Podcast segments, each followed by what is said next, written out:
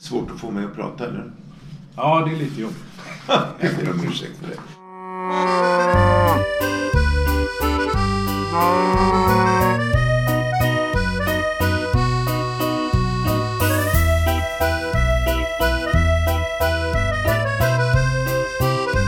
Det här är Ostpodden och jag är Johan. Eventuellt så är det också en eh, tvättmaskin som går här i bakgrunden, men vi får försöka stå ut med det. Välkommen till det sista avsnittet av Ostpodden i alla fall. Innan jag packar mina grejer och drar till Ostfestivalen i Stockholm. Den eh, går av stapeln den 14 till 16 februari på Münchenbryggeriet. Och där finns det mängder av utställare, stora som små, redo att bjuda dig på ost, att berätta om sig själva och att prata om ost såklart. Det går en massa provningar av olika slag och det går en ostsafari parallellt med det.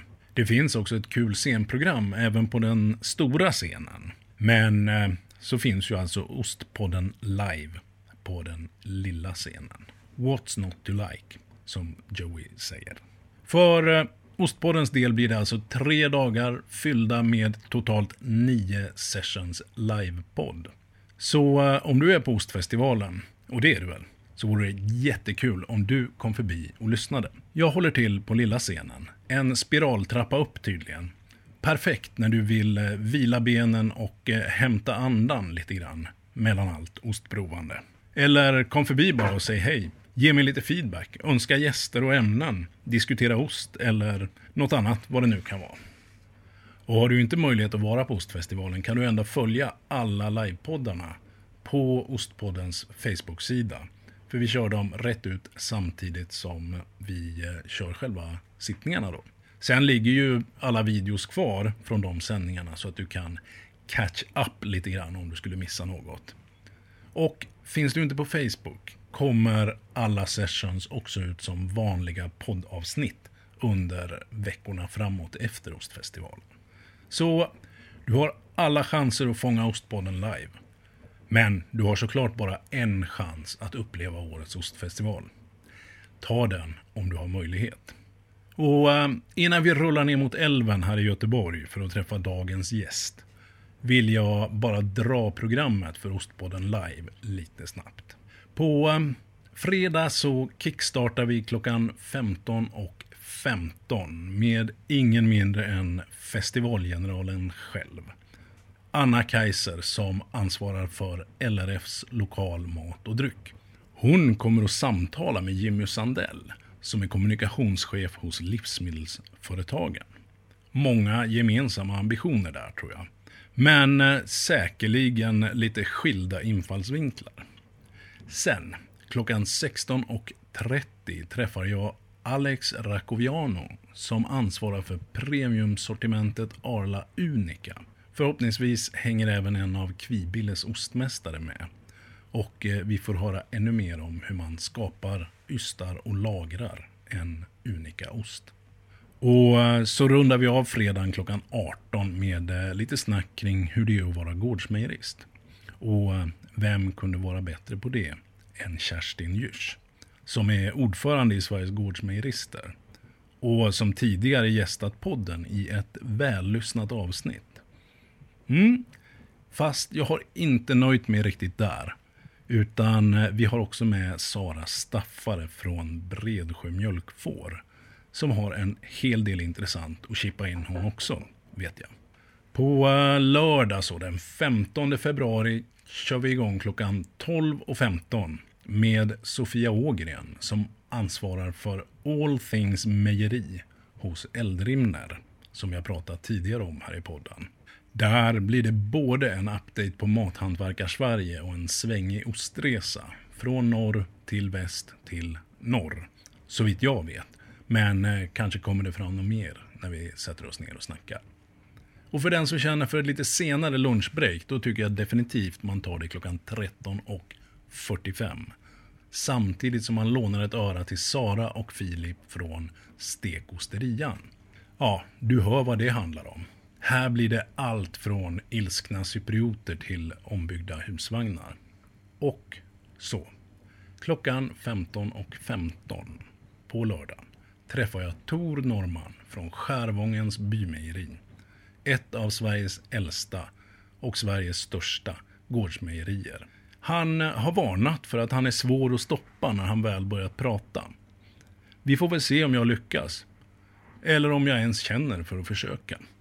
Söndag så och eh, ingen rast, ingen ro. Vi börjar lite extra tidigt. Klockan 11.30 har jag nämligen Ola Lindblad hos mig.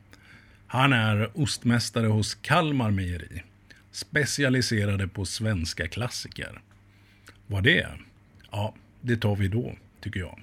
Inte så långt efter att vi är klara med Ola, klockan 12.15, tar vi oss ett ganska långt stenkast från Kalmar till eh, Matilda Johansson som driver Räven och Osten. Ett ganska ungt mejeri med en eh, intressant historia och eh, väldigt fina ostar. Och sen avslutar vi hela ostfestivalen för min del klockan 13.30. Med något jag själv är väldigt nyfiken på. Jag träffar nämligen Anna Kälvebrand från Ostmakeriet. Och vi ska framför allt prata om deras borglagrade cheddar. Japp, borglagrade. Och jag hoppas såklart att hon ska ta med sig en bit av den där cheddarn också så jag får smaka vad det handlar om och inte bara höra det.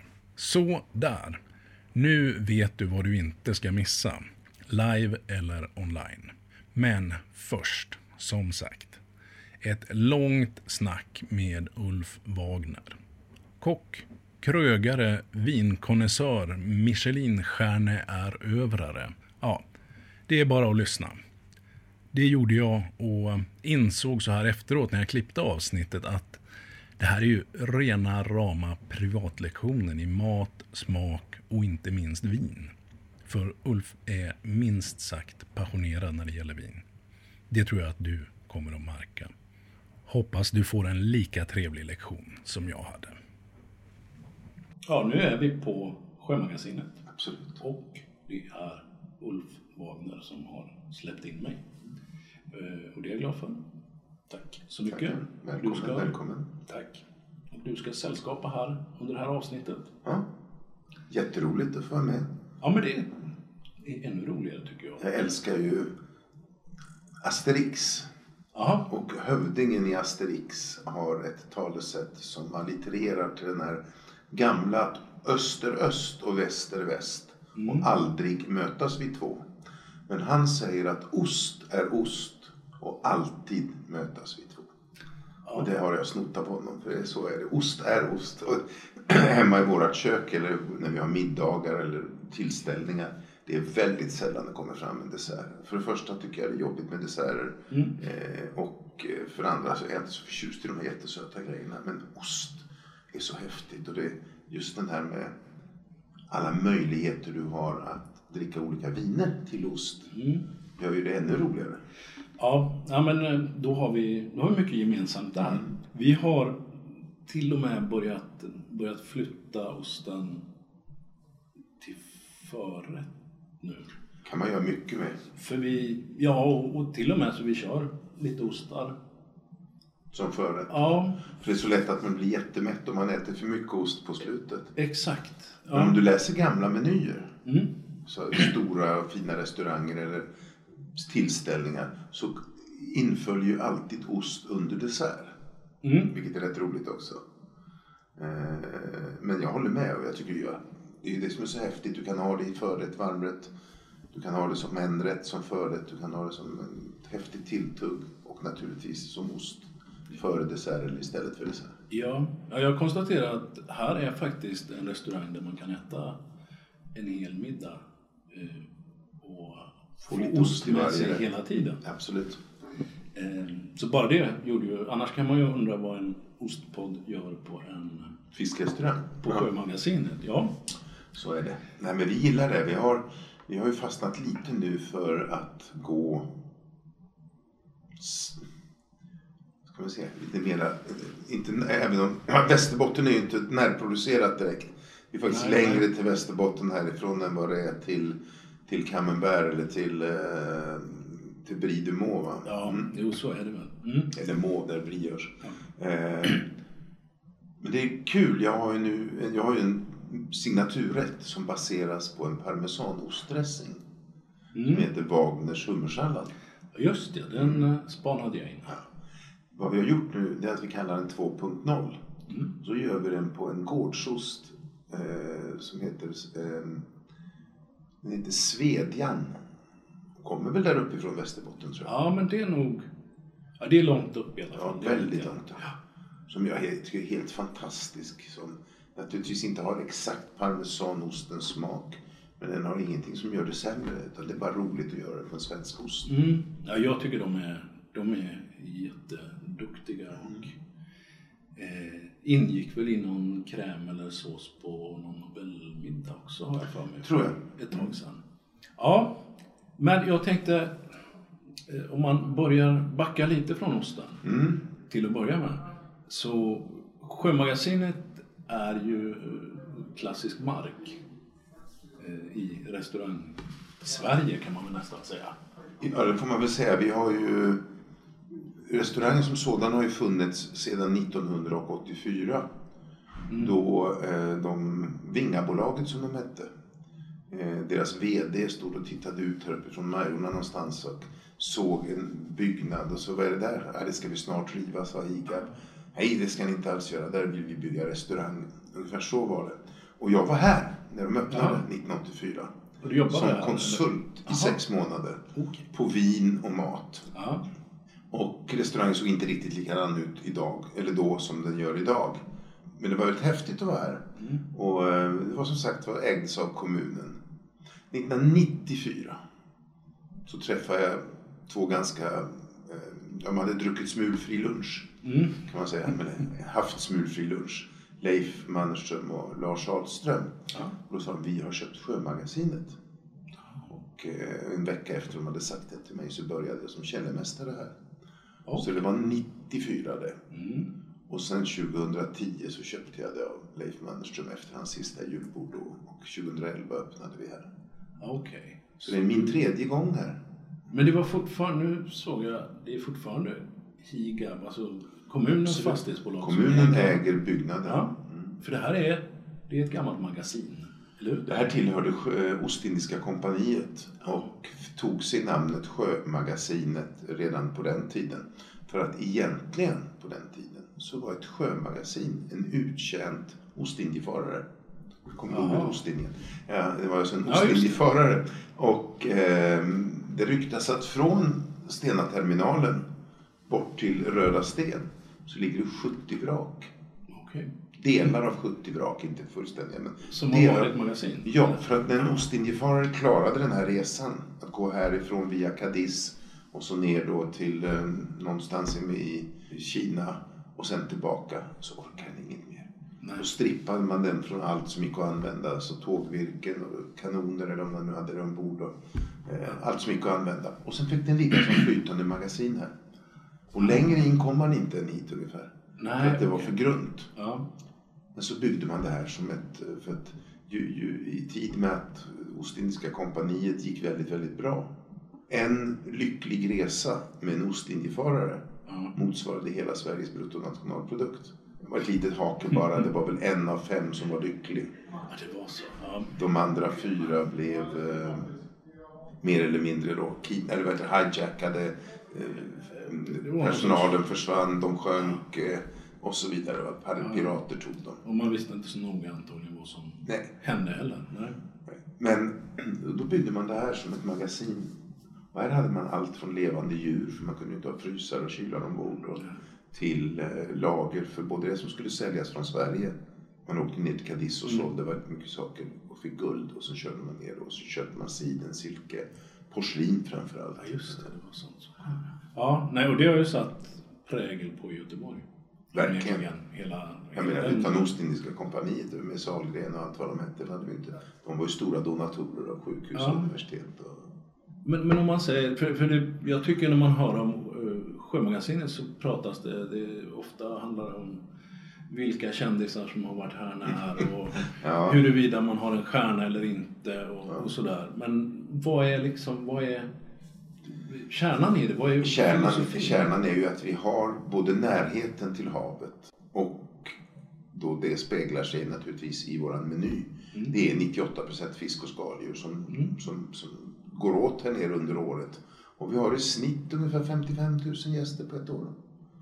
De sista nio och ett halvt åren som vi har kört så ligger vi någonstans där i alla fall över en halv miljon gäster.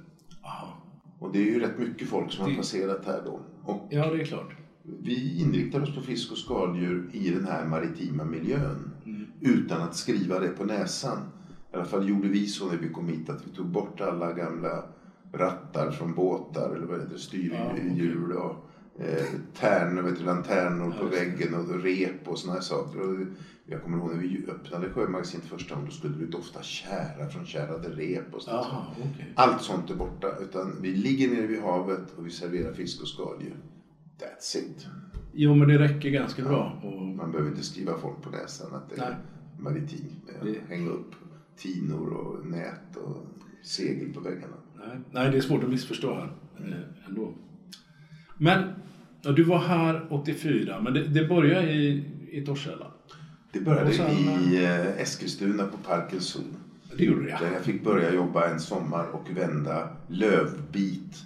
Denna förskräckliga sak. Eller elefantöra tror jag det kallades. Ja, men det, Ja, det har jag ätit i Eskilstuna just. just det. Inte på park, djurparken, men någonstans. En förfärlig bit kött som jag inte vet innehöll så mycket. Men eh, som var väl en millimeter tjock som tog 10 sekunder att steka på varje sida. Och sen pulvermos till detta. Det var high gastronomy i Eskilstuna på den tiden. Ja, det är det nog fortfarande tror jag. Men eh, nej, nu ska vi inte vara elaka. Så var det, där började jag. Och så efter ungefär tre veckor, då, för att jag är uppvuxen i ett hem där matlagningen stod i centrum. Mamma som österrikisk hushållslärarinna eh, accepterade ju inte frysta och halvfabrikat. Och, utan allt gjordes hemma. Va? Sen bodde vi ute på landet utanför Torshälla. Så att vi hade en bondgård. Vi hade Mälaren med fisk.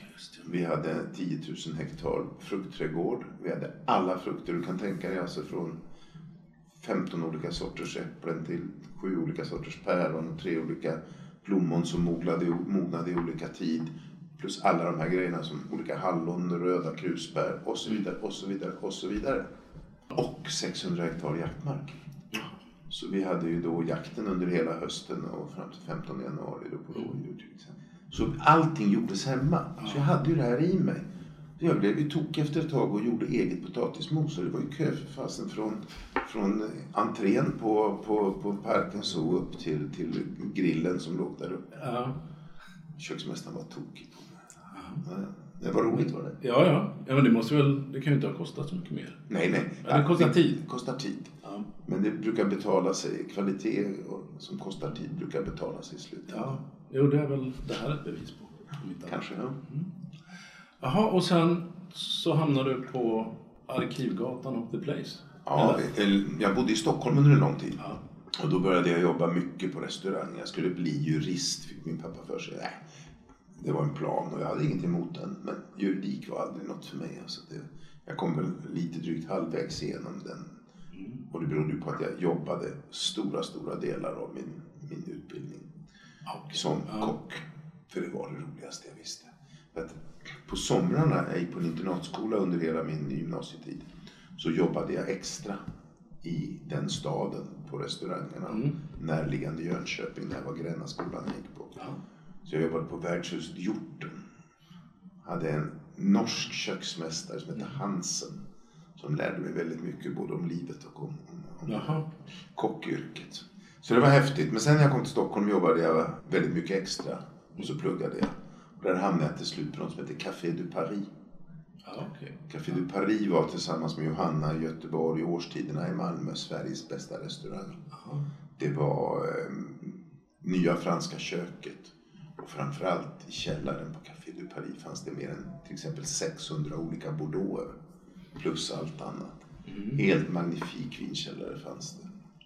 Och där blev mitt vinintresse ytterligare påspätt. Sen jobbade jag lite på Operakällaren. Jag var på med och startade en restaurang som heter Gran Garbo som låg i Sundbyberg som sen gick i putten. Jag var på, på Tattersall, alltså det som kallades bolaget. Jag var runt lite grann och jobbade. Mhm. Och sen kom jag till Grythyttan. Jaha, där också. Så var jag på hos Carl Jan och var källarmästare där uppe. Och sen kom jag till Park Avenue i Göteborg. Ja, Park Avenue. Var det, det var första... Det var första jobbet som kökschef på Park Avenue. Jag var 28 år gammal. Jag hade 55 anställda. Det var inget roligt alls. Det Nej, var en det nyttig erfarenhet. Ja, det kan jag tänka mig. Och sen var det åtta glas. Och sen var det egna krogen Carl Michael. Var låg den? Carl Michael låg på eh, eh, Victoriagatan. Jaha. Och efter det så blev det The Place. Ja, ja. Men det var också, var det ditt, eh, du som Jag startade The Place, Ja. byggde det tillsammans med Peter Collén, en gammal kompis som också är väldigt duktig på både mat och vin. Och där fick vi som första krog i Göteborg 1989 en stjärna i Guide Michelin. Och det var häftigt. Ja. Och det är fortfarande lite roligt att jag var den första i Göteborg. ja, det Det kan var ju inte ingen... Mannerström och ingen annan, utan det var faktiskt jag. Ja, det går inte att ändra på. 89. Det är länge sedan nu. Ja, det är obehagligt. Ja, det är obehagligt länge sedan och med va?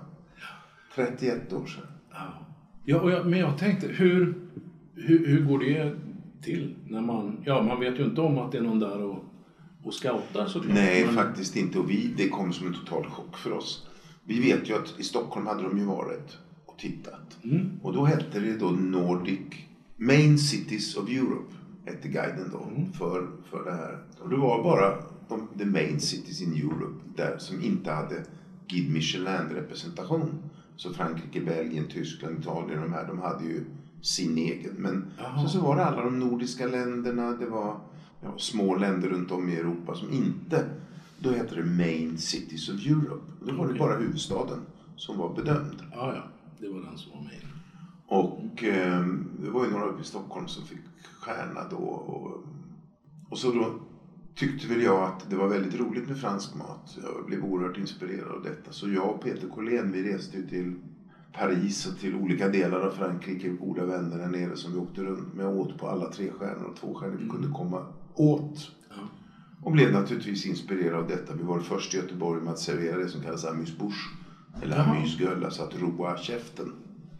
Direkt en- översatt. en En, liten- en, ap- någon liten aptitretare. Som kommer utan att du har bett om den och som kommer oftast till en drink om man nu Ja, har lust ha det. Ja. Och ingen som hade gjort i Göteborg innan. Och sen det som jag tycker är så roligt också, alla de här små grejerna till kaffet som du inte har bett om. Så vi Ja, gjorde, vi stod och Ja. gjorde såna här minidammsugare till exempel. Och små tryffelbollar och allt sånt. Det var ingen som gjorde i Göteborg heller.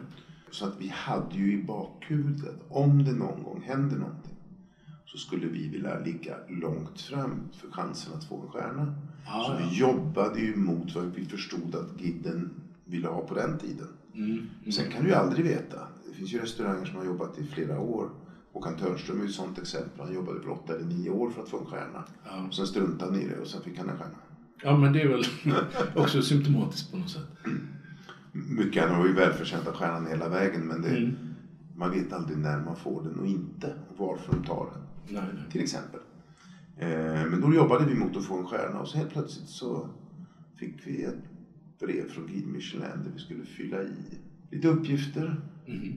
och så våra tre signaturrätter, förrätt, varmrätt, dessert, signatur. Så gjorde vi detta och var först i Göteborg då, 89, med att få den här stjärnan.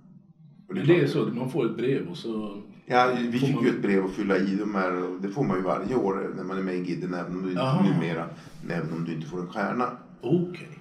Men då var det ju väldigt speciellt att få det här och så fick vi en stjärna och ingen Ja. annan fick. Och det var jättehäftigt. Alltså. Men dyker den bara upp där eller är det någon som ringer eller? Då var det i alla fall inte det här som det är idag med en stor sammansatt, att man samlas i Stockholm eller Oslo eller Köpenhamn eller någonstans. Så har de ett party och så tillkänna ger de årets Guide. Nej, nej. Utan, Utan då fick vi bara helt plötsligt så, ni har en stjärna i Guide Michelin. Vi fattade inte det. Det var jätte, ja. Så det var kul. Året efter så fick 28 plus stjärna. ja, just det. Ja, Och de, den har de fortfarande. Det är helt Ja. magnifikt tycker jag. 30 år i år. Ja, men sen flyttade efter, efter The Place så blev du nästan granne med Ja, 28 efter The Place så gick det några år. Jag jobbade mycket med konsulting och jag, lite sådana saker. Mm. Och eh, så 2000, ja just det, 94 började jag ju här. Ja, just det. Och sen jobbade jag med lite olika projekt och började undervisa mycket, jobba mycket med vin Mm. Gjorde vinresor och vinprovningar.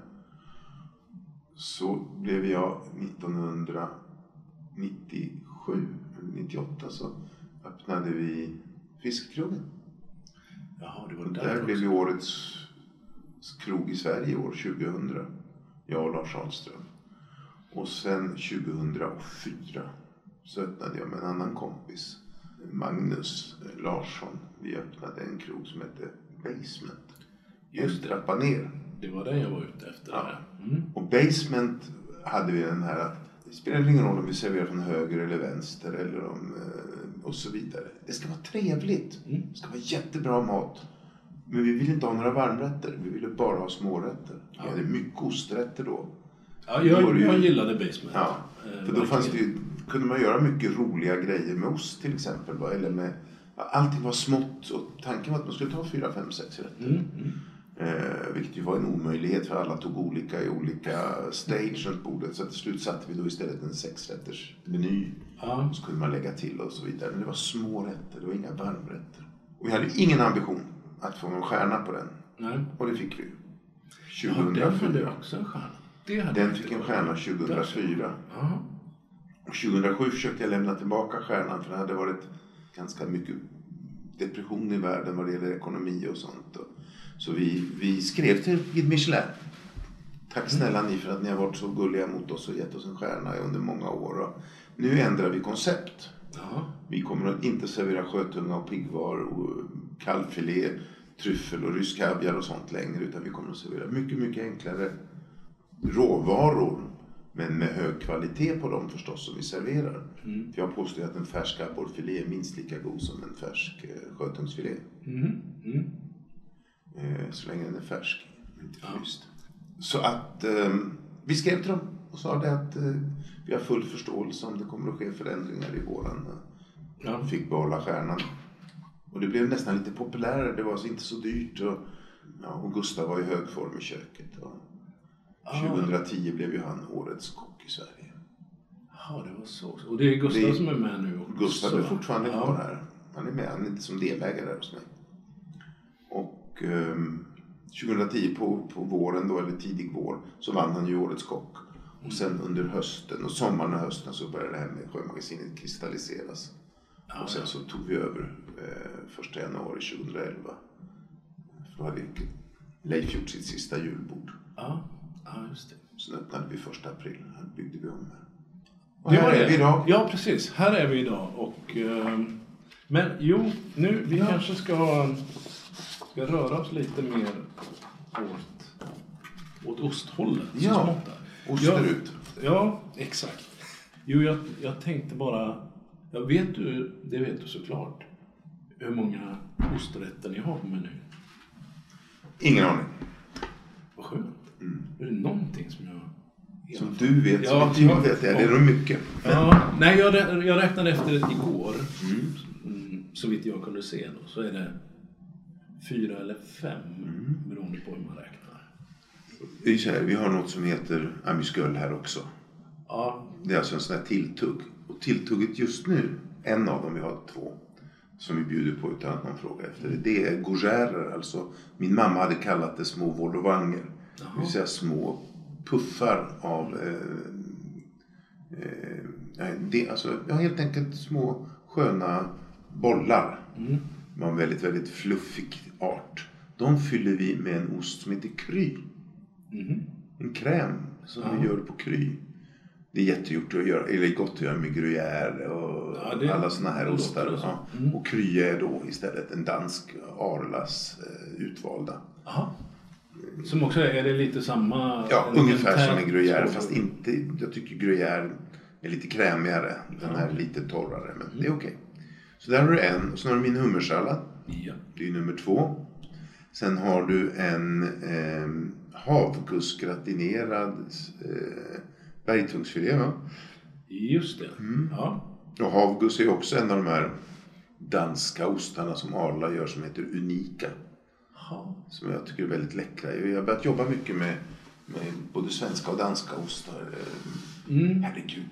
När jag var liten, vad fanns det för svensk ost? Det fanns raketost och så fanns det kanske några av de här Grevé och... ja.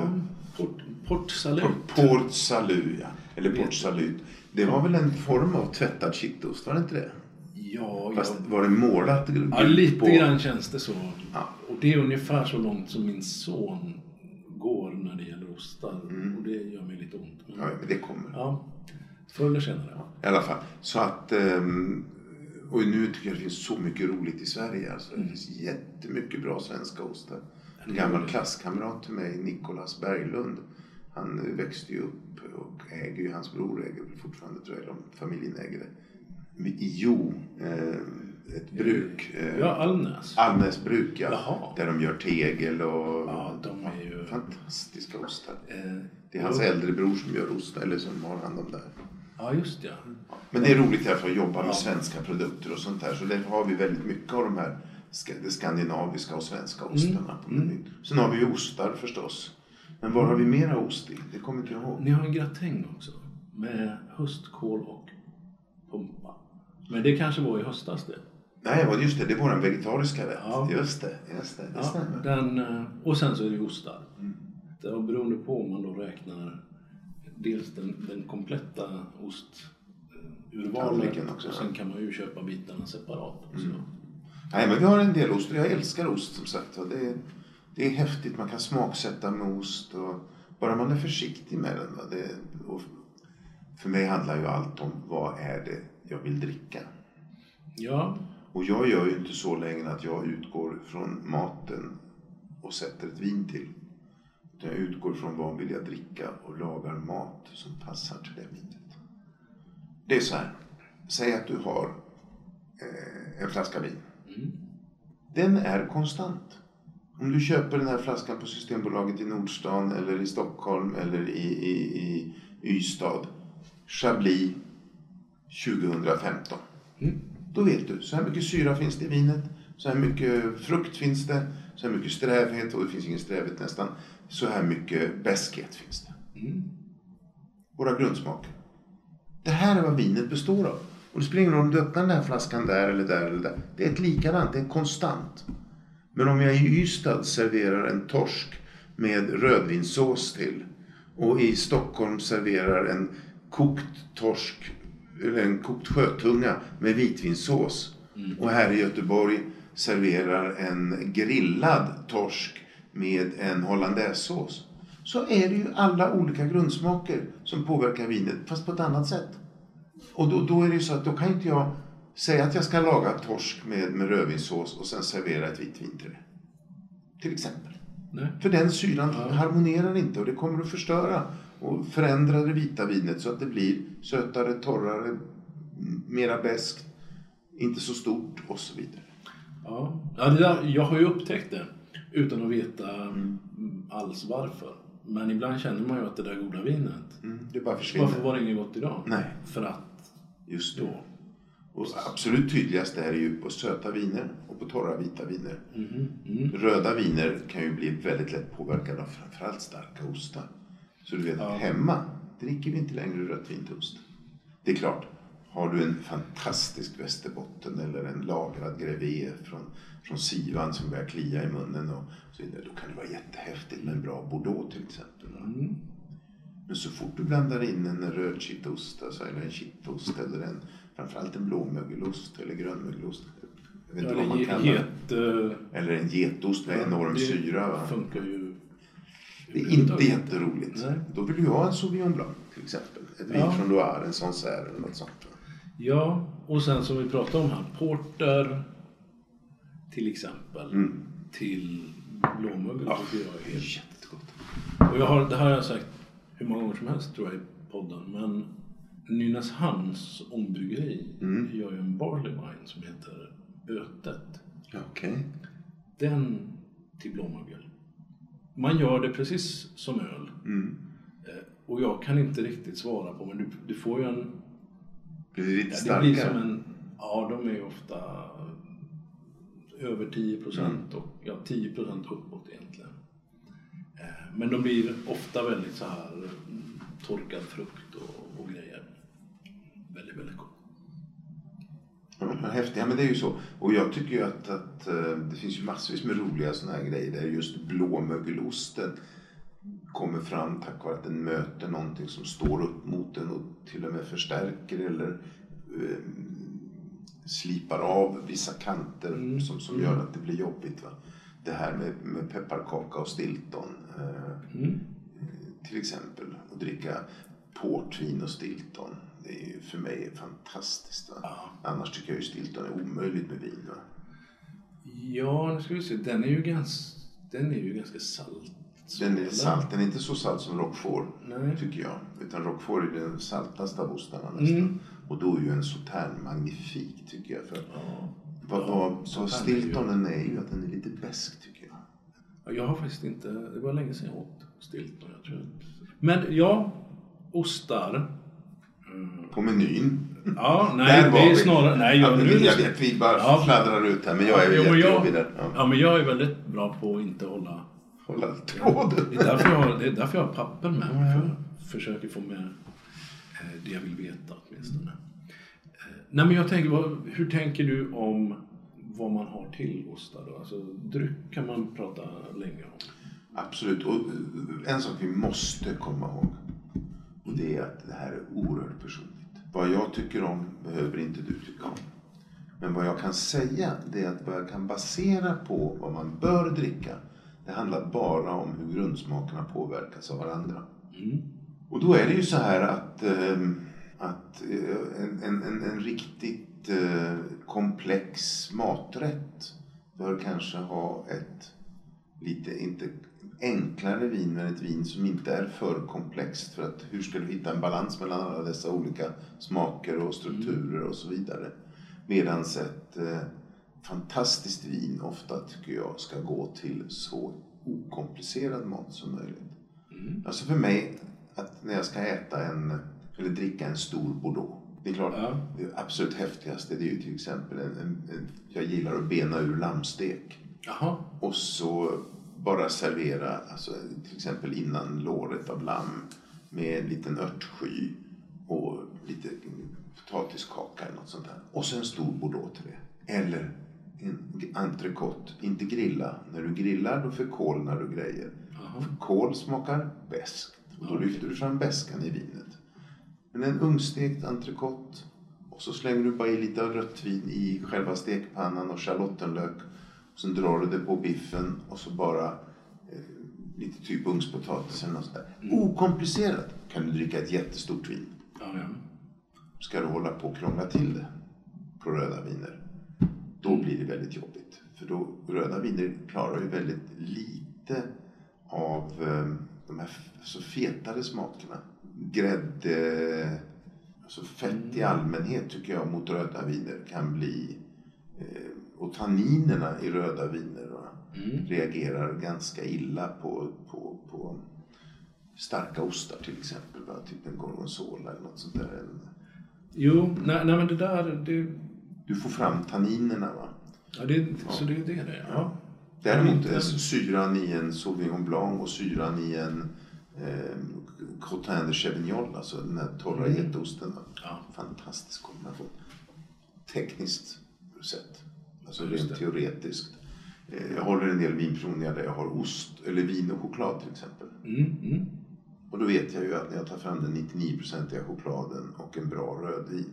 Då säger 28 av 30 i sällskapet, de ligger och kräks i små högar runt omkring och ser äckligast. de där. Då är det två som säger Yes! Det här var det godaste av allt. Och det är för att vi har individuell smak. Vi uppfattar saker och ting olika och vi har olika preferenser. Vi tar med oss olika saker. Men vad vi vet, vad vi kan peka på, det är hur grundsmakerna förhåller sig till varandra. Och hur sötma påverkar sötma Ja. och så vidare och så vidare. Och då utgår jag ifrån allt ifrån vinet. Idag vill jag dricka en Merceau. Ja. Och då, vad har den för grundsmaker? Vad har den för framtoning? Och hur ska jag få vinet att smaka så mycket som det gör i sig utan att störa det? Finns det de som slår det med nu? Finns det, har ni gäster som kommer och gör på samma sätt? Som säger att Ja, det finns faktiskt, vi har ju en ganska bra vinlista. Tror Ja, nu- 1200 olika viner Ja. på listan eller något sånt där. Och- Ja, nu när jag skulle in här så sa du att jag är i en annan del av vinkällaren. Det låter ju ja förlåt. som en vinkällare man skulle... just det, den är ganska stor. Nej, jag vet inte om jag skulle vilja ha den faktiskt. Nej, det känns... den är för stor. Ja. Men, ehm, Jag skulle sagt annan del av huset, men jag var en av våra tre vinkällare. Ah, Jo, det, vi har fått väldigt framförallt mycket folk från andra delar av världen som, som åker hit bara för att dricka vin. Okej. Och de är ju många så här att nu vill jag dricka det här vinet idag. Vad vill du laga för mat till? Hur ska vi göra det här? Och då måste vi utgå från det vi har. Men grejen är att vi kan alltid konditionera maten som vi vill ha den. För att alltså lite handen på hjärtat. En, en piggvarsfilé eller en kalvfilé eller en kyckling. Ingen större skillnad. Alltså, det är väldigt milda smaker, det är väldigt li, li, lite saker som stör. Men om du steker den i smör eller om du grillar den i en grillpanna eller om du bakar den i ugn så får du en jädra påverkan. Det påverkar redan. Hur mycket saltar du? Vad har du för peppar på? Och sen har du en rödvinssås, en vitvinssås, en hollandaisesås, en skysås, en eh, sprucken sås, alltså någon sån här som man då spräcker med olivolja, en, skysås eller något sånt där. Har du en puré till? Hur, hur serverar du? Med vad? Det är det som avgör. Det är inte själva om det är oxfilé eller om det är piggvar. Så det är klart det är lite skillnad för oxfilé innehåller mycket okoagulerade proteiner när man steker den röd. Och det förändrar mycket. Men som sagt, en, en, en kycklingbit eller en eh, piggvarsbit händer egentligen ingenting mot vinet till skillnad. Vad gör du med den? Det är det som påverkar. Så du kan alltid konditionera maten. Och de stora experterna på det här, bland annat Tim Hanning, de säger ju sådana saker som se alltid till att ha syra på bordet. Konditionera maten med syra istället för med salt. För då kan du få ut mera sötma eller mera eh, syra eller få rundare viner eller mera edgy wines. Okej, så men... Och då menar du en vinäger eller, eller något annat? Ja, alltså han säger ju ha alltid lite citron på. Jag säger ha alltid lite syra på bordet. Jag kommer aldrig glömma första gången jag var i Florens och hade varit på de här berömda Uffizierna. Och då går man ju över Ponte Vecchio från, från Main Florence och så går man över Ponte Vecchio på andra sidan. Och så när jag var trött och tittade på alla dessa konstnärer som ser likadana ut allihopa så gick vi på något som heter Mamma Rosas. Som var känd för sin bifteka fiorentina. Det är alltså den här T-bone steaken kan man säga. Eller som kommer på ben i alla fall. Stor och tjock och jättesmakrik. Och så beställde jag en, en Rosso de Montalcino till detta. Och så kommer den in och så, jag menar, du får ju säga till. Du får ingenting till om du inte säger att Nej, du har något till. precis. Nej. Utom en sak. Det låg en skiva citron på, eller en klyfta. Och så här, vad, vad gör den här jävla citronen här? Här, ta bort den innan jag skjuter er Ja, allihopa. det- Ungefär. Eh, då sa de då, signor, pass på nu. Smaka på vinet. Ja, visst. Smakade på vinet. Ja, det är sur och otrevlig, tre år gammal eh, Montalcino. Men den blir väl bättre lite med, med luft och sådana saker. Och sen ät den till köttbiten. Gjorde jag det. Och det blev naturligtvis lite mjukare och lite bättre. Ja, det är det jag har beställt. Och så pressa citron på. Och plötsligt blev vinet tio år gammalt, runt och mjukt. Citronens syra var så mycket högre än Brunellons eller Rosson Montalcinos. Aha. Så att min hjärna, när den smakar sen på vinet, registrerar inte den syran. Det är ett fenomen som heter adaption, Ja. som är helt magnifikt. När man väl börjar förstå det, så förstår man också varför ena dagen ett vin som du får hos någon smakar jättegott. Du tar hem det, lagar någon annan mat till och det blir inte alls samma sak. Nej. Nej, jag har gjort sådär med något vin som vi tyckte var väldigt... Vi åt rådjur eller någonting tror jag. Och vi tyckte det var toppengott. Och så sa vi, men vi, vi skiter i kaffe, vi tar ett glas av det där vinet istället. Och, som pratvin. Ja. Och det var ju kass. Men då blev det väldigt uppe. Det var nog första gången tror jag som jag insåg så här att... Alltså hur mycket maten förändrade vinet. Ja men precis. Och det är ju bara att inse en sak. Allt, och framförallt ost som är väl lagrad, har mycket, mycket högre grundsmaker än vad något vin kan ha. Det finns ju inget vin som har lika mycket sötma som en sötdessert. Det finns ju inget vin som har lika mycket syra som vinäger, citron, ättika och så vidare. Det finns inget vin som har så mycket sälta, för det har ju inget sälta i vin, som salt har i maten. Och det finns inget vin som har så mycket beska som till exempel sallad eller endive eller en, ja, typ en kraftig blö- blåmögelost och så vidare. Och umami, det finns ju Ja, inte ens i vin. Nej. Nej, men det finns i, i mat. Va? Så det, det är klart, det, det, grundsmakerna påverkar hela tiden från maten mot vinet eller mot drycken. Ja. Tillbaks till till ostarna igen. Ja. Det här var jättemycket om ost också. Så, men eh, tycker du man ska ha något, vad serverar ni här till exempel till osten? Vi har ju tre olika ostar. Mm. Och vi har tre olika viner i vårt vinpaket till ostarna. Alltså, ni har ett vinpaket till ostarna? Ja. Ja. Och det beror på vilka ostar vi har för tillfället. Mm. Men oftast så har vi ett sött vitt, ett sött rött, alltså typ en port eller en banjuls eller ridesalt. Åh, eller något banjuls, sånt. ja. Det är jättegott. Ja. Och sen har vi oftast ett, eh, ett torrt vitt, ett sött vitt Mm. och ett sött, starkt, sött starkt. Ja, just det. Vet, vad har ni för ostar som, vet du vad som kommer nu? När ni öppnar? Jag vet faktiskt inte det. Nej. Eh, Men jag tror att vi kommer att ligga, alltså jag vill gärna ha de Monteur just nu. Mm. För att det, alltså Vacheron de Monteur är för mig ostarnas ost. Och den, är väl, den kommer väl nu va? Nej, den kom i höst, i oktober någon gång tror jag. Kanske kommer i oktober redan. ja. Ja, men Den sen så är ju säsongen Lite beroende på. fram till april Ja. något sånt. Den älskar jag. Sen finns det faktiskt en ost till som jag tycker väldigt mycket om. En hårdost som heter Beaufort. Ja. Som jag tycker är magnifik. För den har, den har strukturen och så som hos en gruyère. Men den har krämigheten som ingen annan ost har. Den Ja, tycker jag tycker Beaufort är den överlägsna som alposten. Gruyère och Comté och de här är jättegoda. Jättegoda, ja. men Beaufort är ju fantastiskt. Den tycker jag mycket om.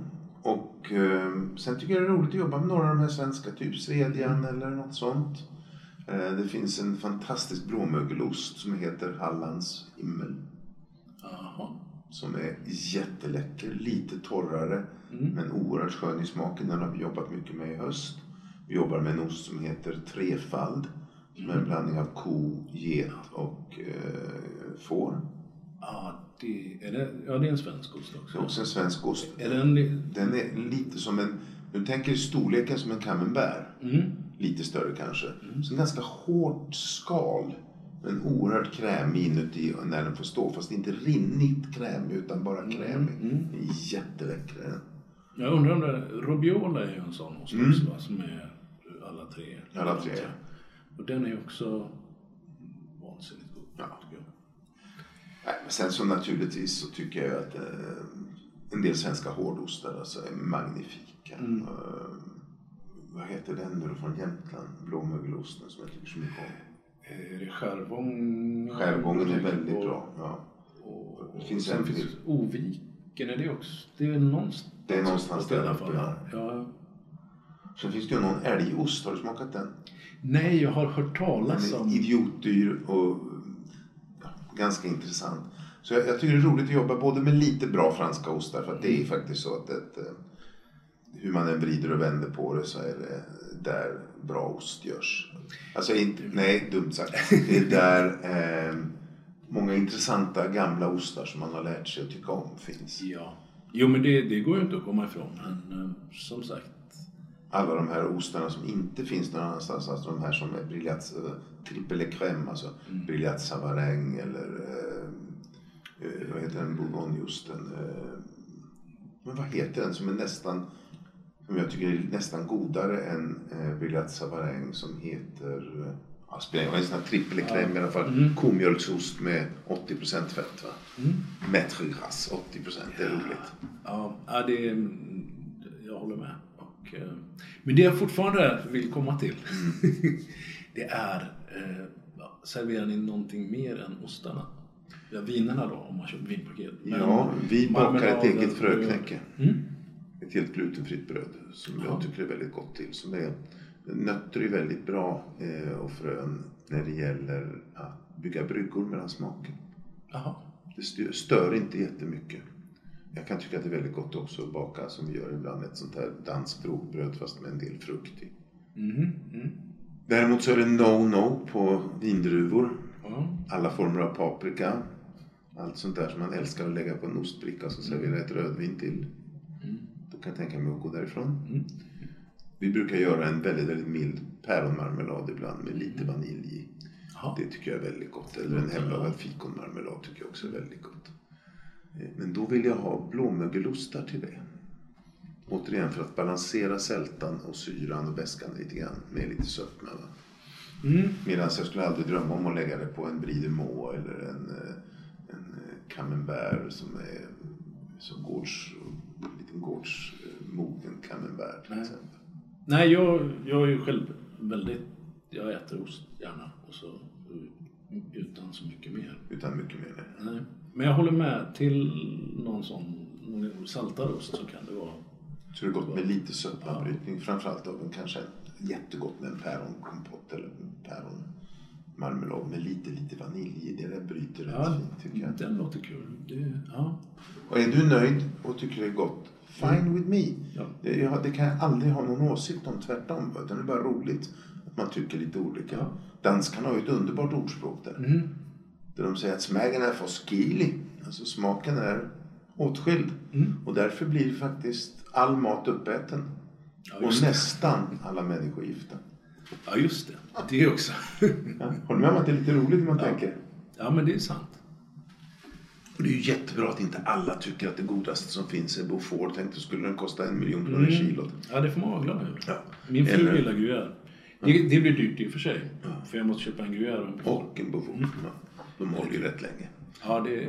Jo. Men jag älskar ju typ Poisse, jag älskar eh, Pont l'Evêque, jag älskar eh, eh, alla de här sköna ostarna, Livarot eh, och så vidare. Och så vidare. Kittostar. Olika kittostar. Mm. Och på getostarna är ju naturligtvis Paul Bocuse favoritost min också. Sen Marcelin. Ja, just det. Det är en sån... Ja, det är den... Den lill... Nej, San Nej. Är den här som kommer i små så, sådana formar. Pyttesmå formar. Ja, i... Ja, det var en sån. Men är, är, Ja. det, är det kanske en koost eller om det Jag blandat? tror det är... Det är nog inte get. Det är och inte get. Maur är ju den här långa Ja, det är den långa, ja. strå i. Mm, men det är en getost. Ja. Vad har man, alltså som, som krögare då, hur, ska man säga, jag, jag lurar lite på, hur känner man inför ost som, som råvara och som att ha på menyn? Är den, Jag jobbade på en trestjärna i, jobbade inte, jag var nere i två veckor och gjorde en stagiaire. Alltså ett, eh, men då hade jag en stjärna redan i Guide Michelin så jag hade lite förmån. Jag behövde inte skala potatis eller diska. Där de hade två stycken maître fromager. Du hade ett rum som var ungefär, ja, inte riktigt lika stort som det här rummet, men nästan. och då Där pratar om- vi om 20 kvadrat? Ungefär kanske? 20 kvadrat, ja. ja. Där de ostarna låg på olika hyllor i olika temperatur och det egentligen rummet var tvådelat. Det var faktiskt lite olika luftfuktighet. Ja, Där de bara tempererade ostarna och såg till att de var perfekt mogna. Mm. För att osten är en sån viktig del av måltiden. Mm. Och sen kom det här Le Grand Chariot de Fromage, alltså den stora ostvagnen det. ut så här. Va? Där du hade kanske 30-40 olika ostar att välja på. Och det är ju det svåraste som finns. Och välja? Ja, Ja. för att Frankrike, alltså, de tittar ju inte snett på dig men de tycker att du är en jäkla ouppfostrad eh, galning om du tar mer än tre ostar. Jaha. Oftast tar man bara en ost. Och då väljer man den efter vad man har för vin. Mm. Ja, Det är grundtanken. där, Ja. Du äter en bit ost och den tar du till eh, om du har en krämig merceau eller något sånt där så är det klart du tar in en bra brie eller en camembert eller något sånt där. Va? Och så om du ska känna att nu vill jag dricka någonting till exempel ett glas port eller en banjuls och sånt där. Ja, då blir det en fond d'Ambert eller en, en blöd auvergne eller en ja. Ja, Jo, då- så att för, det- för mig är det viktigt att ha bra ostar på restaurangen. Ja. Jag tycker det är ett, ett kvalitetstecken att du bryr dig om ostarna. Kanske inte i den utsträckningen att du har två stycken heltidsanställda ostmästare. Eh, Det kräver ju, det kostar ju då också. ja, och att du, du kränger iväg ganska mycket ost. Att man kränger ost, ja. Så blir det ju lite jobbigt. Och det är det jag tänker också. För jag brukar ju försöka reda ut det där med osten. Och ibland känns det väldigt pliktskyldigt på restaurang. Ja, man har någonting. va? Och ja, jag var senast någonstans på ett hyggligt ställe här i stan.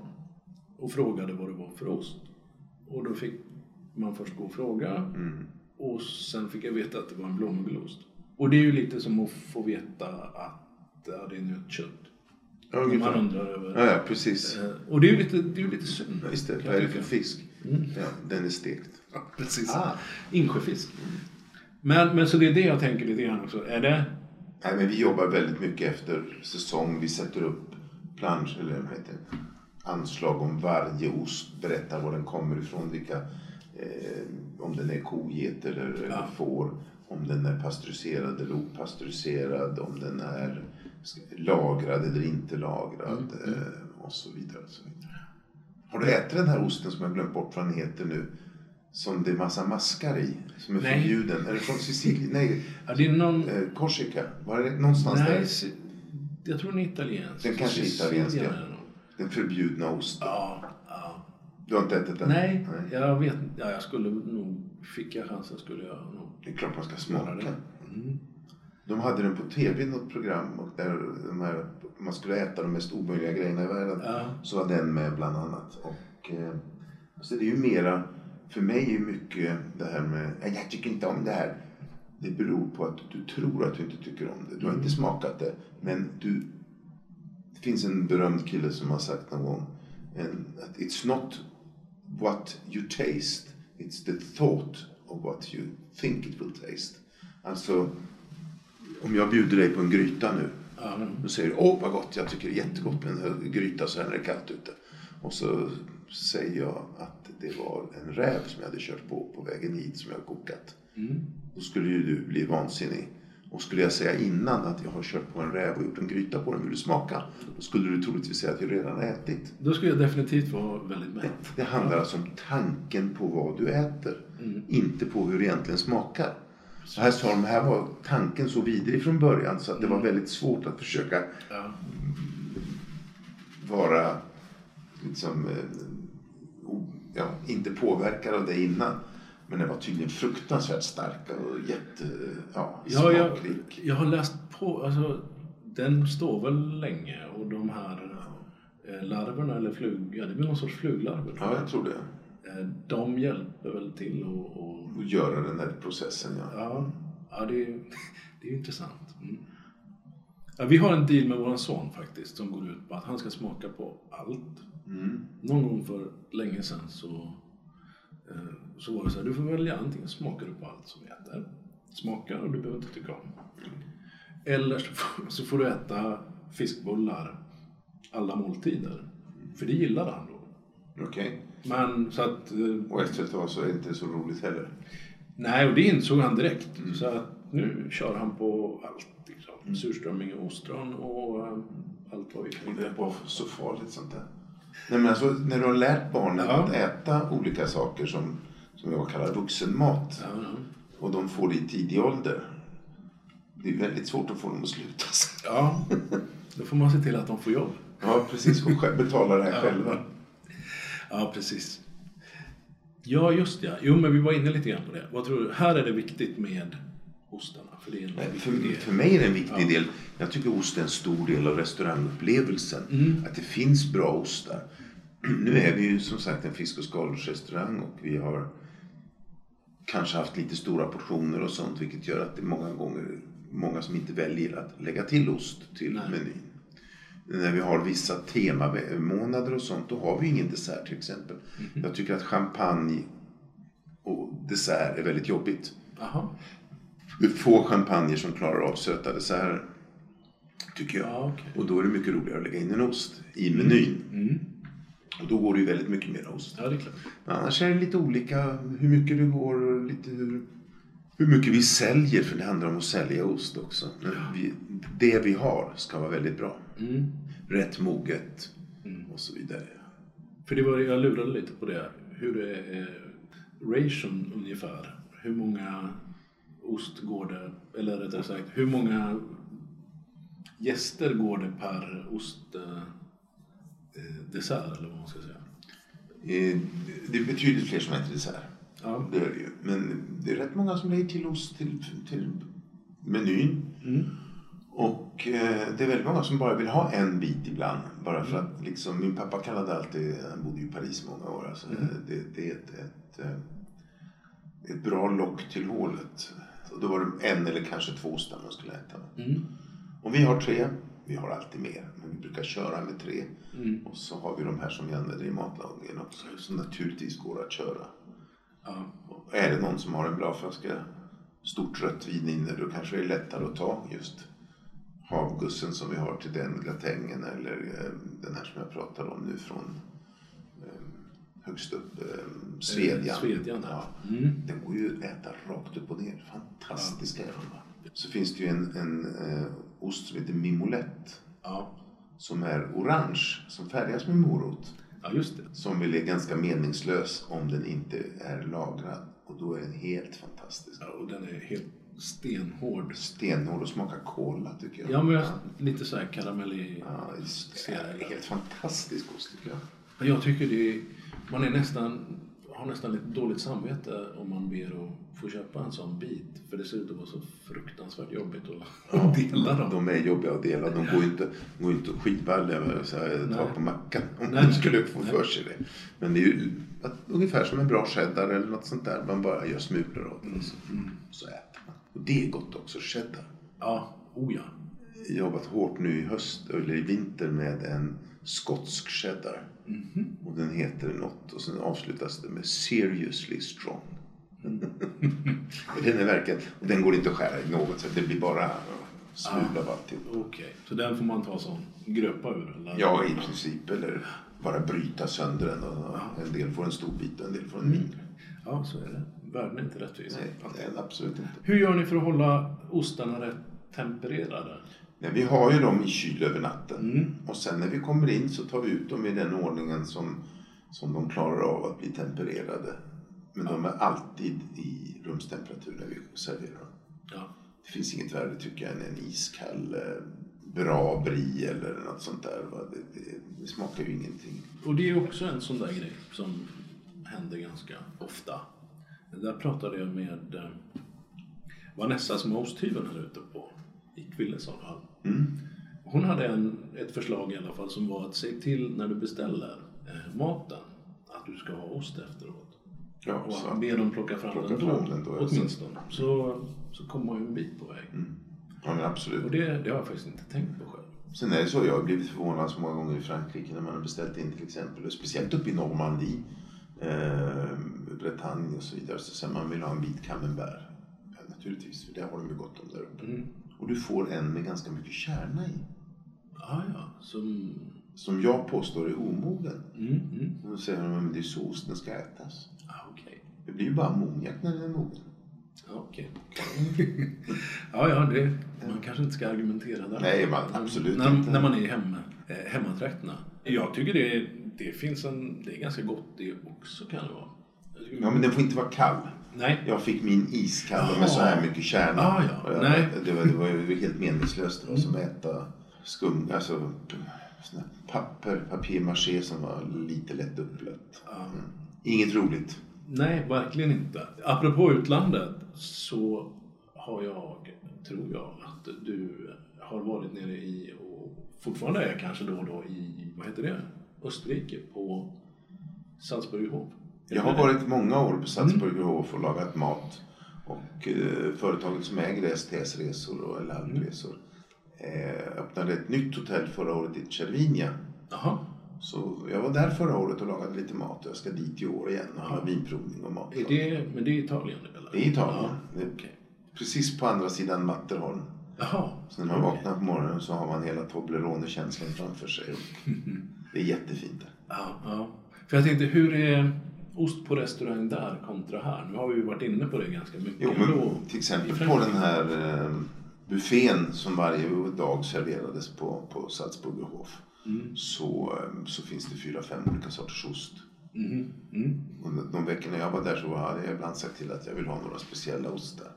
Men det är mycket sådana alpenkäse-sorter, alltså typ Mm. gruyère och vad det nu är för något. Alltså den hårdosten, fast från någon liten regional odlare uppe i Alperna. Va? Ja, nej men för Österrike har ju inte, alltså de har ju inte direkt tagit sig hit när det gäller Nej. ost. Men, Ingenting. men de är ju ganska bra på ostar. Jag. jättebra Ja. ostar. de. Men det är just mycket av de här hårdostarna och sånt. Mm. Och en del ziegenkäse, alltså getostar är de duktiga på Ja, också okej. tycker jag. Mm.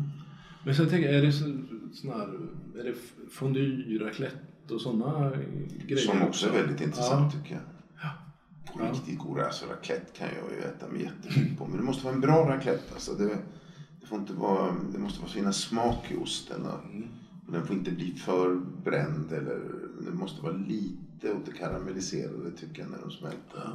Ja, ja jag har ätit, några gånger har jag ätit sån uh, riktig sån här stor ställning och skrapa. Annars så har man... Det tycker jag är gott. Annars har man de här små som är Ja. på bordet. Ja. Det går an det också. Jo, det funkar. Det funkar. Men jag älskar raclette. Det bara att man blir så fruktansvärt.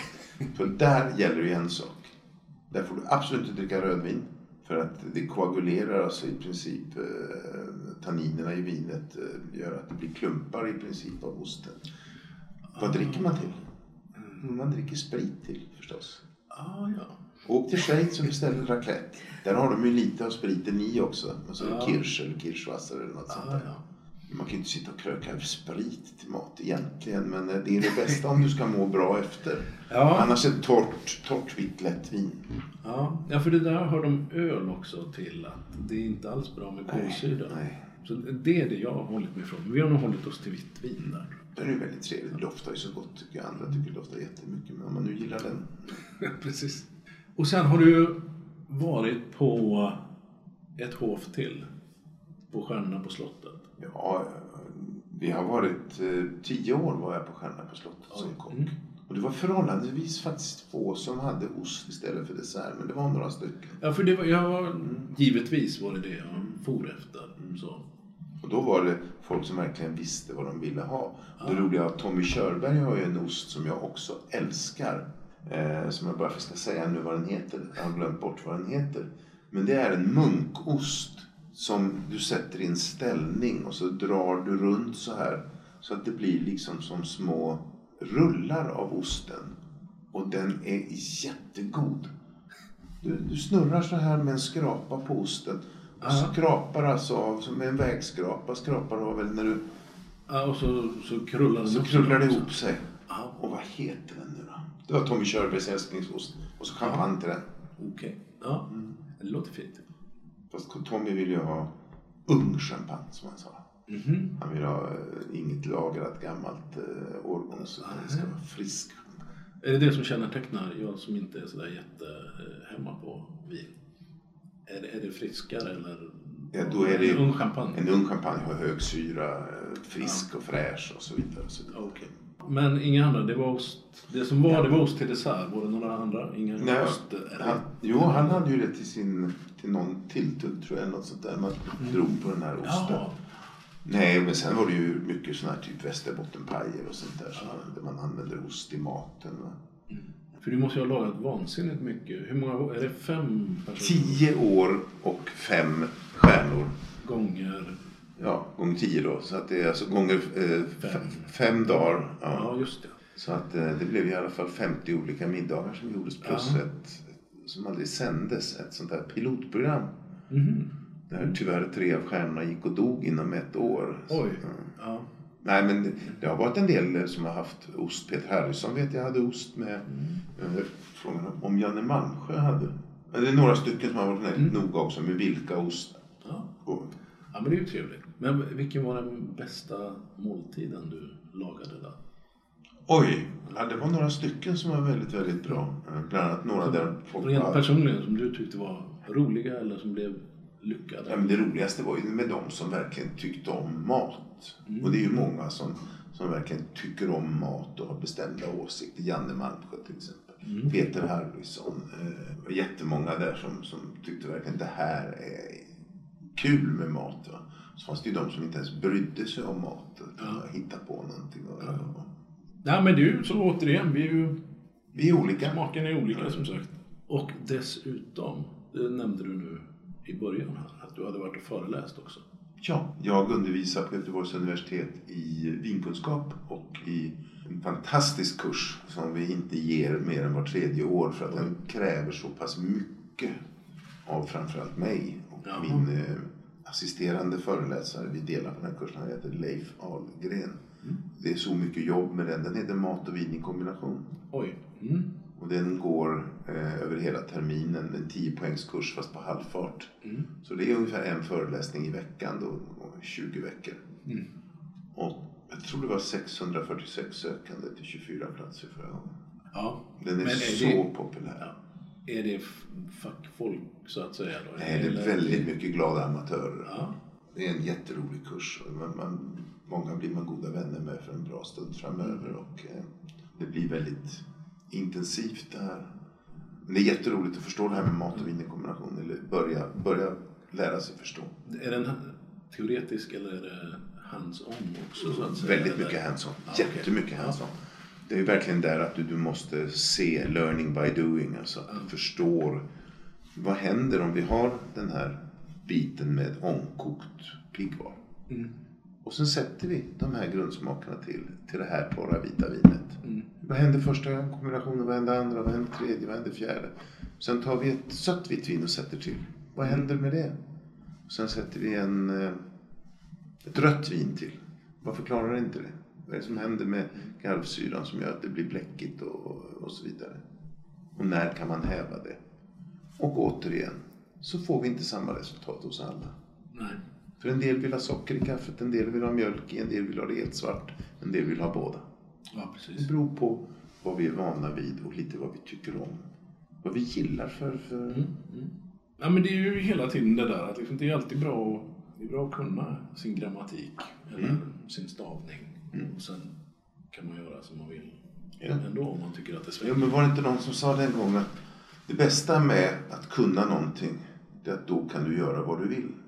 När du inte vet vad du ska göra och gör fel, så gör du jävligt fel. Ja, eh, Bodil Malmsten tror jag det var, som, hon skrev en bok om att skriva har jag för mig. Mhm. Jag tror det var hon. Som sa, hon skulle sammanfatta sin bok. Och då sa hon, skriv precis hur du vill, men gör det bra.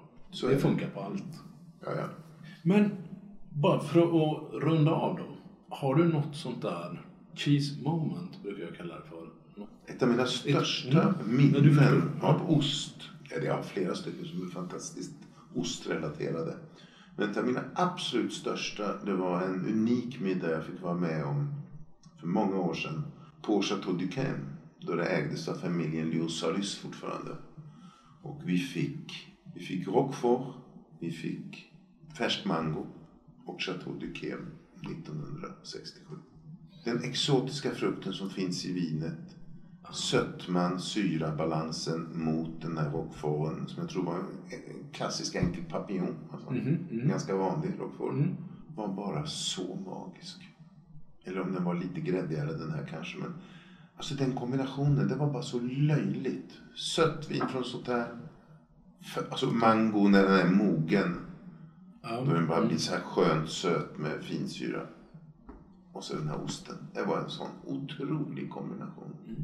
Sen har jag suttit med, jag ska inte namnge människorna, några fantastiska vänner eh, i bara strumplästen. En, vi reste från Göteborg till, eh, till Genève och sen tog vi en bil till Bourgogne. Och när vi lämnade Göteborg var det, jag tror det var runt 10 maj eller något sånt där, var det plus 6 grader och regn. Och kom ner dit och det var 23 grader och sol. Då gick vi och köpte en Vacherin Mondor. Gick vi och köpte en flaska eh, Chassagne Montrachet Premier Cru. Som är... Som är ett vitt vin gjort på Chardonnay från en mycket bra by i, i Bourgogne. Så satte vi oss i en park. Tog fram Vacherin Mondor. Varsin sked. Varsitt plastglas och hällde upp det. Och den osten tillsammans med den inte iskalla bourgognen. Mm. Alltså den syran och den, alltså de smakkombinationerna, lite feta från osten som mildrades av den här. Alltså det var så jävla gott va. Och det var ingen som kunde ens känna om det var osten eller vi som hade tagit av på skorna som luktade i Nej, parken. nej, nej. eller- nej, det är ju... Eh, hör ju till saken med dem. Nu har vi nästan varit inne, för jag, jag tror att vi tangerar. Jag funderade på om, om, om du bjuder på ost hemma. Absolut. Jag tror att du... Jag tror, ja, tror jag började med att säga, ja, Ja. Alltså, det är också lite grann efter årstid. Mm. Jag försöker, det finns vissa ostar som är bättre under vissa delar av året tycker jag. Eh, Det är ju som, eh, så att säga, är det, är det vintermjölk kossorna är mjölkade på eller en, en, något magrare sommarmjölk och speciellt är det fermier från bara gården eller är det, är det alpage Ja, och, och, och så vidare. Men en klassisk ostbricka som till exempel imorgon kväll så kommer goda vänner över till Ja, mig. precis. Så kommer det att finnas en Beaufort. Det kommer att finnas en trefald som är den här Mm. Den måste du leta rätt på. Ja, jag ska se om du kan få med en bit. Jag tror jag har här. Men den måste vara rumstempererad sedan länge. Det kommer att vara Hallands himmel som blåmögelost. Som jag tycker är jättegott. Ja. Och sen blir det lite brillatsabaräng. Som ju många tycker är som att äta kall mjölk. Men jag tycker det är, fantastiskt. Den Så det blir fyra ostar imorgon. Och de finns redan klara att avstå. Och eh, jag, jag tror, jag känner jag, jag har nog fått med allt som jag hade på mina papper. Ja, vad bra. Ja, och en massa annat. Du har inget annat som du vill tillägga? Som du Nej, tycker mer, än att, mer än att ost är ju som sagt var häftigt. Det är individuellt vad man tycker om. Det är individuellt vad du ska dricka till. Men jag har personligen utvecklat en smak som är på att det är lättare att dricka vita viner till ost Mm. än röda viner. För att röda viner påverkas väldigt mycket mer av det feta i osten. Som gör att tanninerna blir mycket, mycket mera framhävande och strävheten i, ost, i, i vinet. Mm. Så det är enda rådet jag kan säga. Ät och drick vad du tycker om. Men fundera på vad som händer och ta dig tid att experimentera med vad som händer när man får olika till exempel typer av vin med olika typer av ost. Ja, och testa. Finns det utrymme så testa med lite olika också. Det är det jag menar. Alltså, Ja. Ge dig själv chansen att prova eh, och känna efter. Mm. För det kan vara värt det. Det kan bli stora skillnader. Men då tackar jag så jättemycket för att du Mm, har tagit dig all den här tiden. Mm. Tack. Då går jag och hämtar en bit, en bit eh, trefald Ja, i all min enfald. Koppla loss Ja. dig där. ja, det ser jag fram emot också. Tack så mycket. Nej. Ja, Ulf Wagner. Jag är ganska säker på att du fick med dig ett och annat matnyttigt där. Det fick jag. Citronen lär nog till exempel åka fram oftare till middagen framöver. Och nu vet du vad jag tycker du ska göra.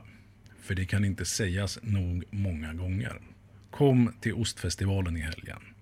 Och då menar jag alltså Münchenbryggeriet i Stockholm den 14 till 16 februari. Och där finns ju jag och Ostpodden Live en våning upp från alla sköna mejerier, ostar och ystare. Vi ses där, hoppas jag. Och så följ Ostpodden på Instagram och Facebook. Och Facebook, där sänder vi ju faktiskt live från Ostfestivalen till exempel.